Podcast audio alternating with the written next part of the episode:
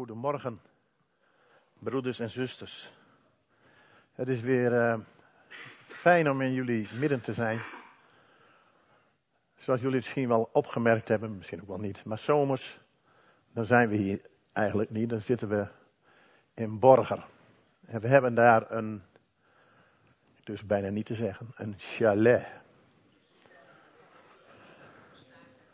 Oh, het staakcaravan, geen Nou ja, maar het is geen behelp of zo hoor, we kunnen dat prima zijn.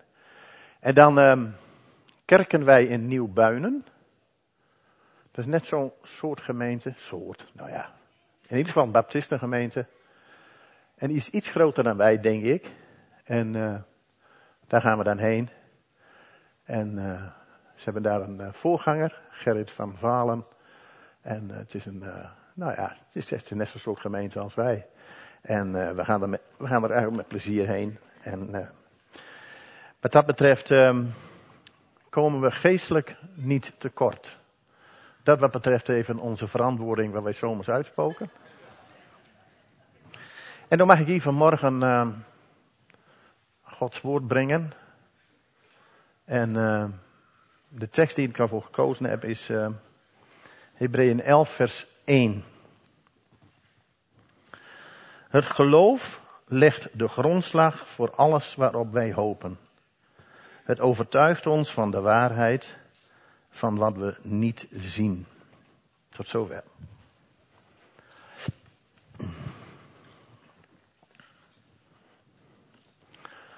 Vanmorgen willen we een ogenblik, een, moment hoor. Ogenblik stilstaan bij de vraag, wat is nu eigenlijk de essentie van ons geloof. Met andere woorden, waar gaat het nu eigenlijk om in ons geloof? En waar gaat het vooral niet om in ons geloof? Nu ga ik er deze ochtend vanuit, zoals we hier met elkaar zitten, dat we allemaal kinderen van onze Hemelse Vader zijn, van de Heere God zijn.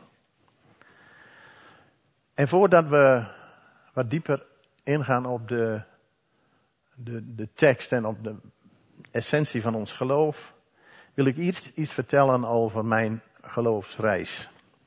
Ik ben geboren in een gelovig gezin.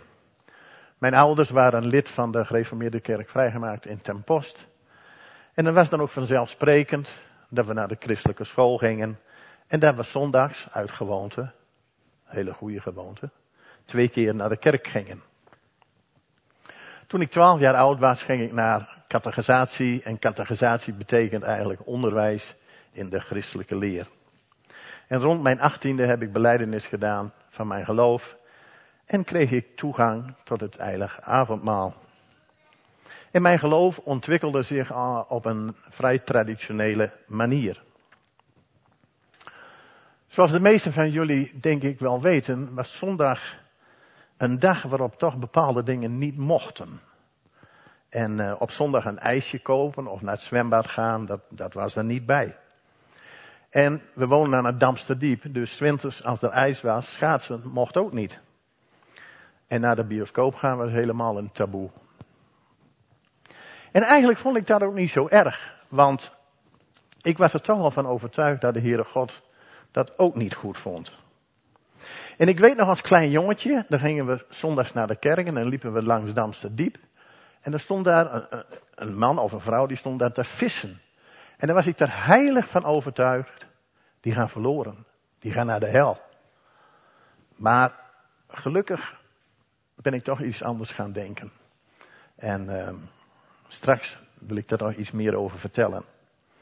Toen ik 26 jaar oud was, ben ik ouderling geworden. En dat heb ik ongeveer 30, 35 jaar volgehouden. Niet alleen in Ten Post, maar ook hier.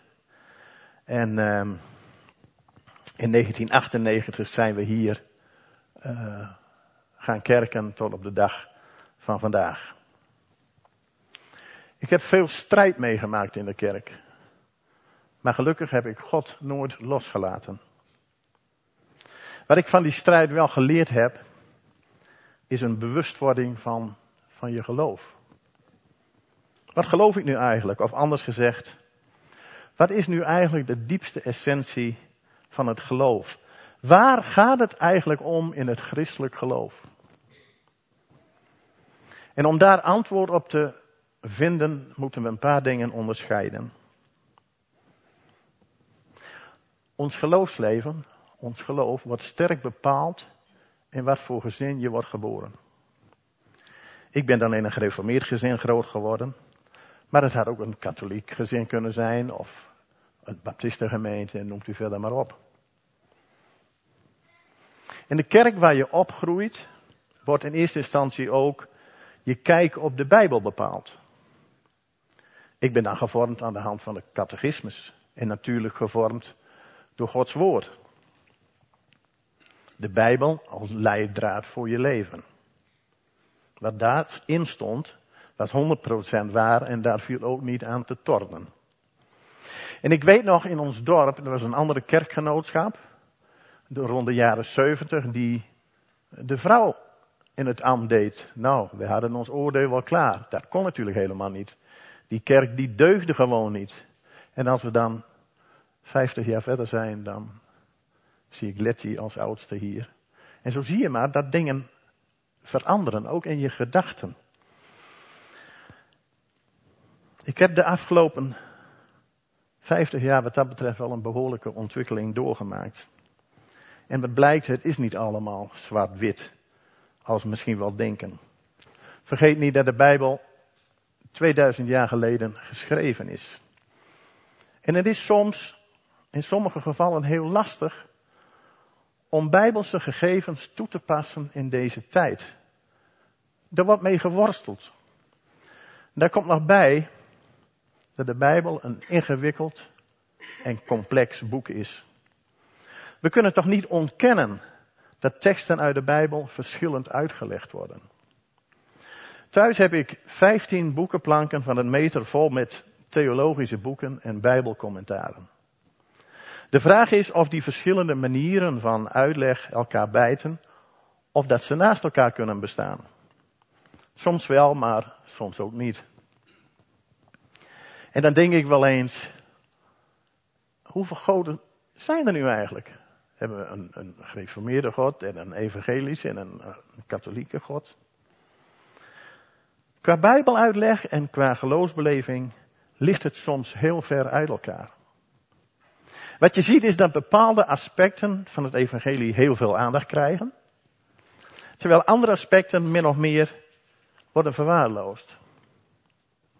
Twee voorbeelden. Je kunt gebukt gaan, je kunt er gebukt ondergaan dat je zondaar bent en zondaar blijft voor God. En dat je je, maar af, dat je je afvraagt, ben ik behouden? Als God je niet uitkiest, dan ben je verloren. Dat is de zwaarmoedige kant van het geloof. Aan de andere kant kun je ook zeggen, toen ik 18 was, heb ik mijn hart aan de Heer gegeven. Ik ben er.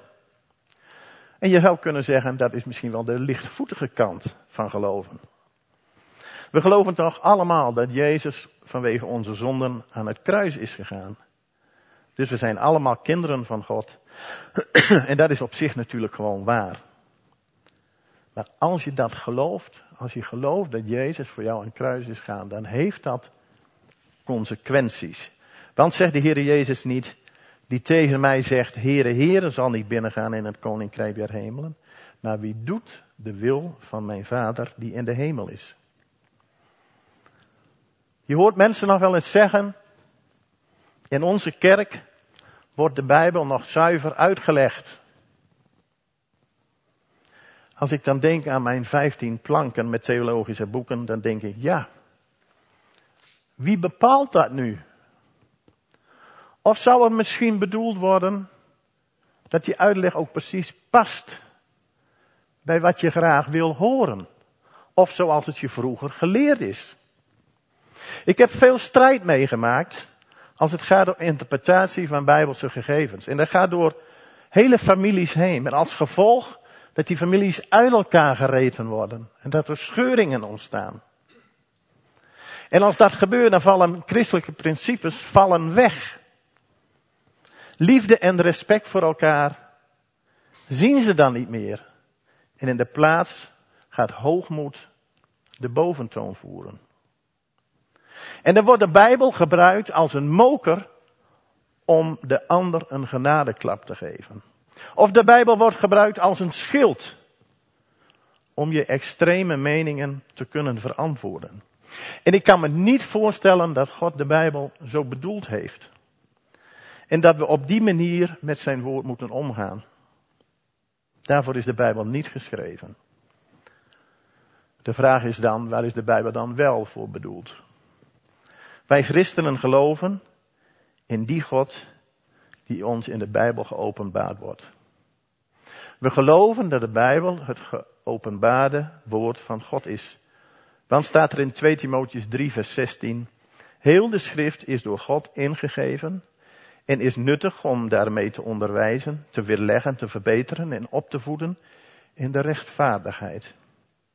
En dan vers 17, opdat de mens die God toebehoort volmaakt zou zijn tot elk goed, tot elk goed werk volkomen toegerust. Dus we geloven dat de inhoud van de Bijbel, dat dat Gods woord is. En we geloven ook wat God ons zegt in Hebreeën 1 vers 1, dat God tot onze vaderen gesproken heeft door de profeten, en zo heeft hij in de laatste dagen tot ons gesproken door zijn zoon.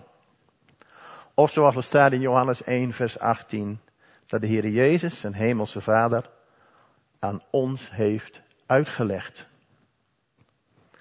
We geloven dus dat de Bijbel goddelijk gezag heeft. En vanuit dat goddelijk gezag leert God ons hoe we als geliefde kinderen van Hem mogen leven. En geloven in God betekent een relatie met God hebben. Een vader-kindrelatie.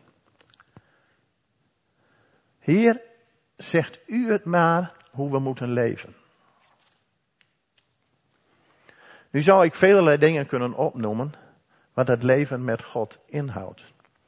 Ik kan u één ding vertellen, dat de Bijbel geen wetboek is. Met allerlei regels waaraan je je moet houden.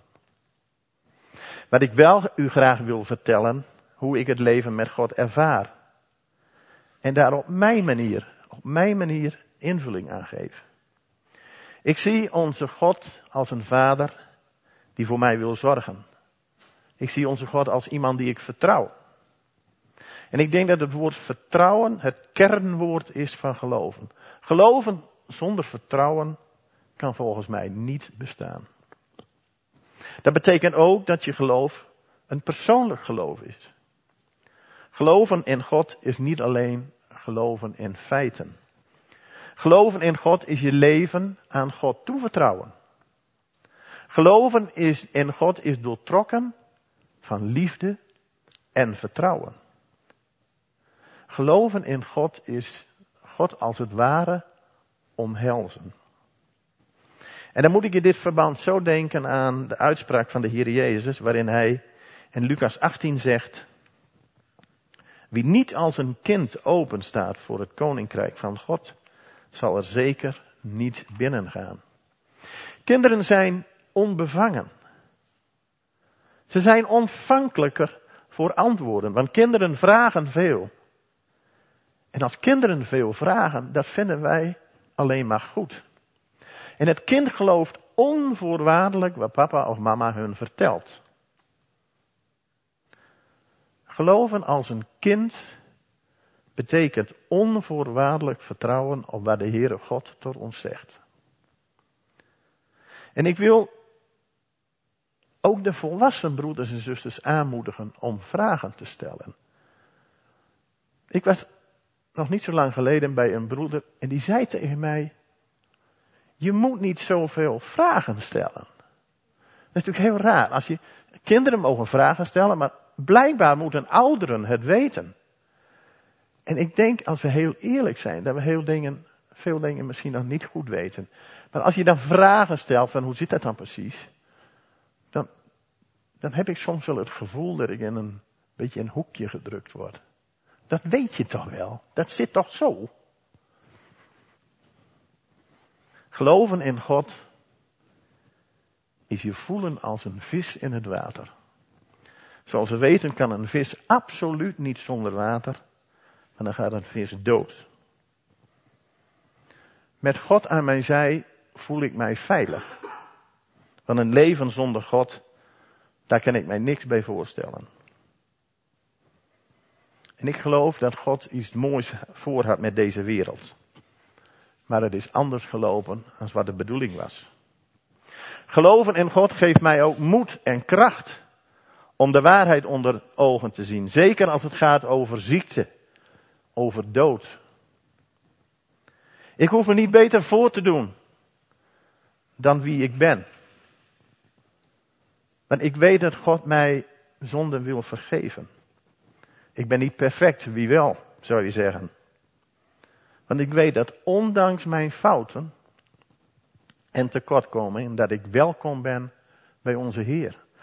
Omdat we geliefde kinderen van Hem zijn. En dat geldt voor iedereen. Ook hoe je bent en wat je gedaan hebt. Nu weet ik dat er veel mensen denken dat geloven in God dat dat saai is. En ik denk dat ik dat wel een beetje begrijp. Kerkdiensten, bidden, Bijbel lezen, een preek hoeft niet inspirerend te zijn. Daarbij wil ik wel opmerken dat je je best mag doen om de positieve dingen uit een kerkdienst te halen. We zijn altijd geneigd om het negatieve naar voren te halen, het positieve. En laten we ook eerlijk zijn, wat de een mooi vindt, vindt de ander misschien wel helemaal niks. Uiteindelijk gaat het om je hartsgesteldheid. En om als christen door het leven te gaan, is dat toch wel een uitdaging. En dat valt niet mee. Maar dat hoeft ons er niet van te weerhouden om Gods liefde in het leven van alle dag te laten zien, ook al is het soms wel eens lastig. Geloven in God geeft veel troost, geeft bemoediging. We weten allemaal dat de dood op deze aarde het laatste woord heeft. Maar we weten ook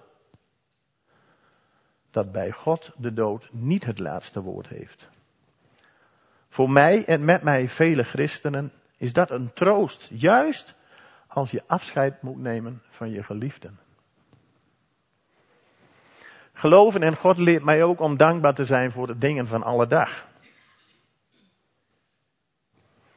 Je bent dankbaar als het goed gaat met je kinderen, met je kleinkinderen. Je bent dankbaar als de medicijnen werken. Voorbeeld Cor. De medicijnen werken.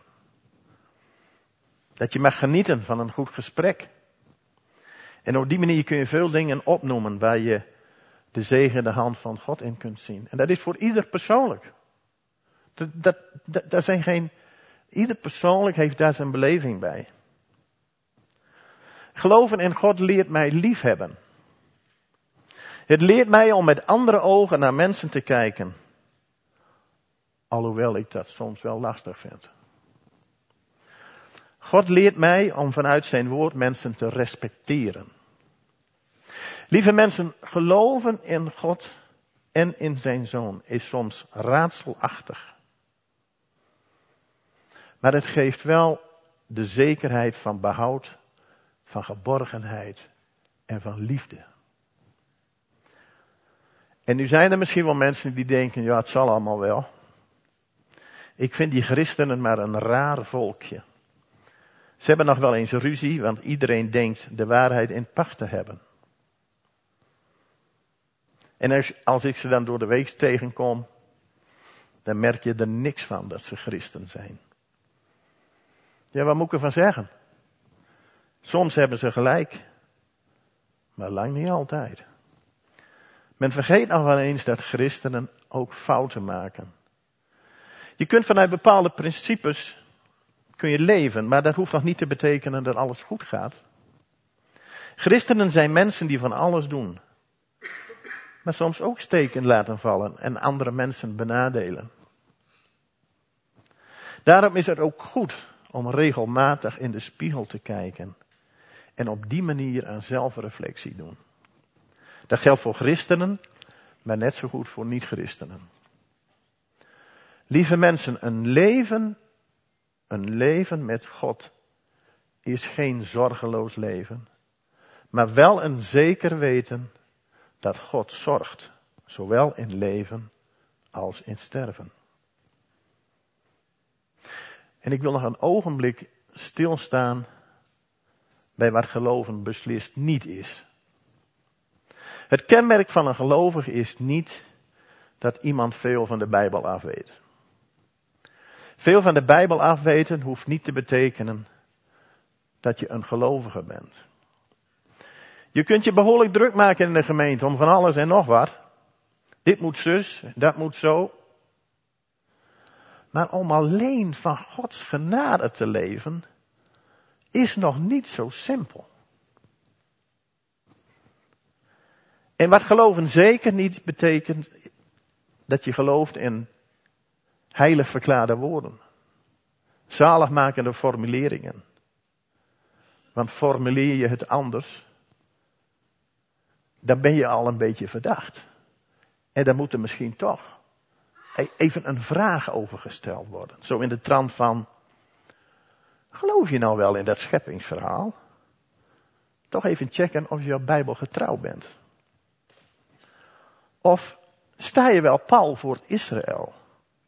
Even controleren of je de vervangingstheorie, theologie wel aanhangt. Of geloof je toch wel in de geloofsdoop? Even kijken of je wel in de traditie van de baptistengemeente past. En bij een doopgesprek had de dopeling hartstochtelijk verteld over haar liefde voor God en over haar passie van de Heer Jezus. Hij was het voorbeeld van haar leven. Maar de broeder oudste kon het toch niet nalaten om toch een klein controlevraagje te stellen.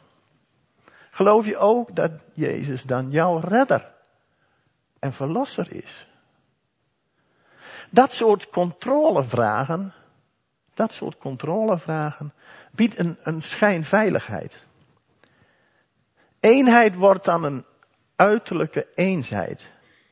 En zo wordt de kerk een club van gelijkgestemden. En nog erger is het feit dat als de controlevragen zijn gesteld, dat er daarna geen vragen meer nodig zijn.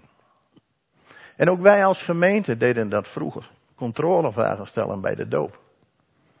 Geloof je dat Jezus Gods zoon is? Moet je je voorstellen, mensen die doen uh, getuigenis en die willen Jezus volgen en die willen niets liever dan dat en die willen zich daardoor laten dopen. En dan is er een controlevraag. Geloof dat Jezus Gods zoon is. Dat hij stier van het kruis om ons te redden. Dat je dankzij Jezus een geliefd kind van God bent. En als je daar dan ja op zegt, gaat het licht op groen en mag je gedoopt worden. Als we nu eens wat minder, gelukkig doen we dat hier in deze gemeente niet meer. Als we eens wat minder zouden checken op de goede formulering. En misschien toch wat meer interesse tonen in elkaars verhaal. Dan zouden we misschien ook wat meer in gesprek blijven. Dat we meer ons geloof aan anderen vertellen. En dat we ons gelooftaal verrijken. En gaan zien dat Gods liefde alle verstand, dus ook alle formuleringen, ver te boven gaat. We moeten en hoeven er niet naar te streven om overal gelijk over te denken. En dat is ook onmogelijk. Waar we naar moeten streven is om de eenheid van Christus te bewerkstelligen. Want blijkbaar is dat al moeilijk genoeg. En eigenlijk heb ik ook nooit begrepen, als je wat anders denkt, dat je daar niet, niet bij elkaar in de kerk kunt zitten. Dan moet je toch wel aardig zeker weten dat jij het bij het rechte eind hebt en de ander niet. Ik heb mensen wel horen zeggen in een kerkelijk conflict, God staat aan onze kant. Ik kan alleen maar deze, tot deze conclusie komen. Dat zo'n houding een hoogmoedige houding is. We leven in een tijd dat het christendom in Nederland sterk terugloopt. G en ik waren in de PKN-kerk in Borger. En wat we daar zagen, daar zaten 60 mensen in de kerk van onze leeftijd. Zeg maar rond de 70. En we zeiden tegen elkaar, als we tien jaar verder ben, zijn, of tien jaar verder ben, dan draait de laatste de kerkuur op slot. Geen jeugd, niks. We hebben als christenen elkaar meer dan nodig. En ik vind ook dat de verschillen veel te veel benadrukt worden. Ja, natuurlijk zijn er verschillen. Maar is dat dan zo problematisch? Om niet met elkaar in de kerk te kunnen zitten. Ik sprak laatst met een gereformeerde predikant en ik stelde hem de vraag. Leg mij de kinderdoop nog eens uit. Zijn antwoord was dat hij dat toch wel lastig vond. Maar hij zei, wat het mooie van de doop is, dat het een teken is dat je een kind van God mag zijn. Ik vond dat een mooi antwoord. En ik dacht toen, moeten we de geloofsdoop zo op de spits drijven, dat het in feite onmogelijk is om samen te werken met andere kerken. En ik dacht ook bij mezelf, wat zou de Heer Jezus daar nu van zeggen? En dat weet ik natuurlijk niet. Maar wat ik wel weet is dat de Heer Jezus in het hoge priestelijk gebed het volgende zegt. Vader, ik vraag u dat de mensen die in mij gaan geloven één mogen zijn als u en ik. U bent in mij en ik ben in u. Laat hen ook zo in ons zijn. Dan zal de wereld geloven dat u mij gestuurd hebt. Ik heb hun dezelfde eer gegeven als u mij gegeven hebt, om hen zo één te laten zijn als u en ik. Doordat ik in hen ben en u in mij bent, zullen we een volmaakte eenheid zijn. En dan zal de wereld erkennen dat u mij gestuurd hebt. En dat u net zoveel van mij houdt als, net zoveel van hen houdt als van mij. Want ik wil dat uw liefde voor mij in hen zal zijn. En dat ik zelf ook in hen zal zijn. Laten we alstublieft eens kijken wat wij als christenen met elkaar gemeen hebben. En ik weet zeker dat we veel meer gemeen hebben dan dat er verschillen zijn. En ik hoop ook dat onze jongeren daar wat makkelijker mee omgaan dan wij ouderen. En laten we één ding niet vergeten.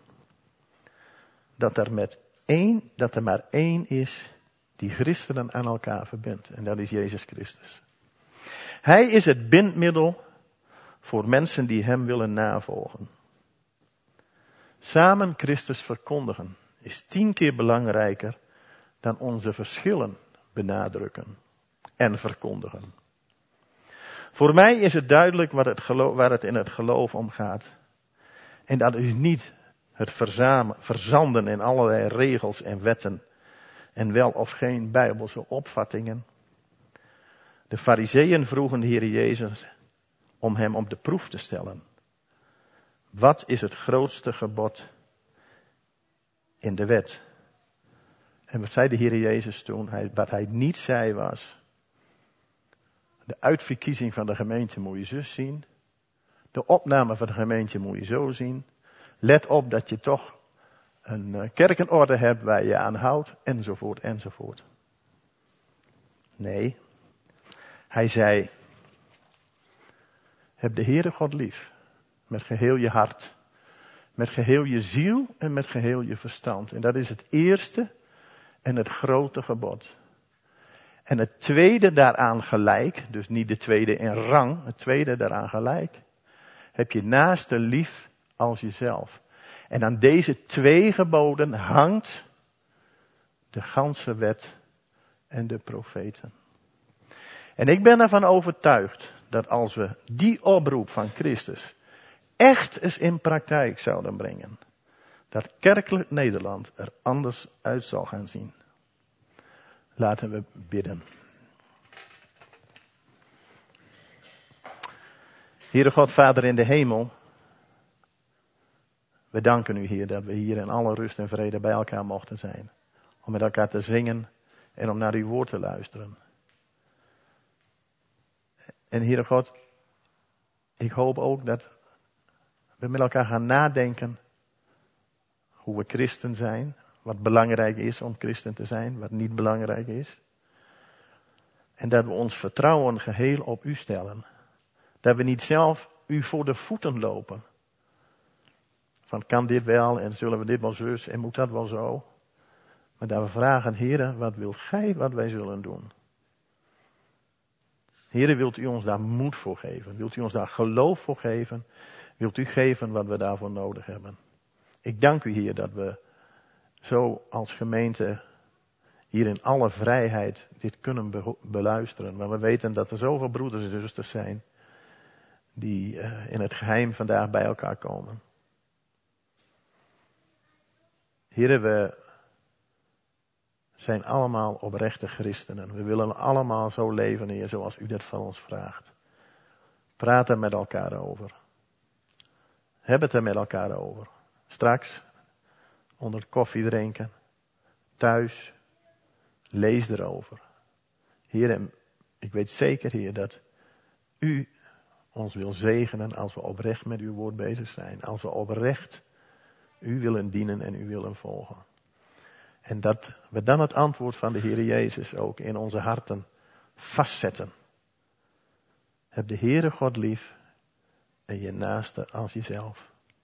Heer, als we vanuit dat geloof zouden leven en willen leven, met vallen en opstaan, dan zult u ons zegenen. En zullen we tot een zegen zijn. In Jezus' naam. Amen.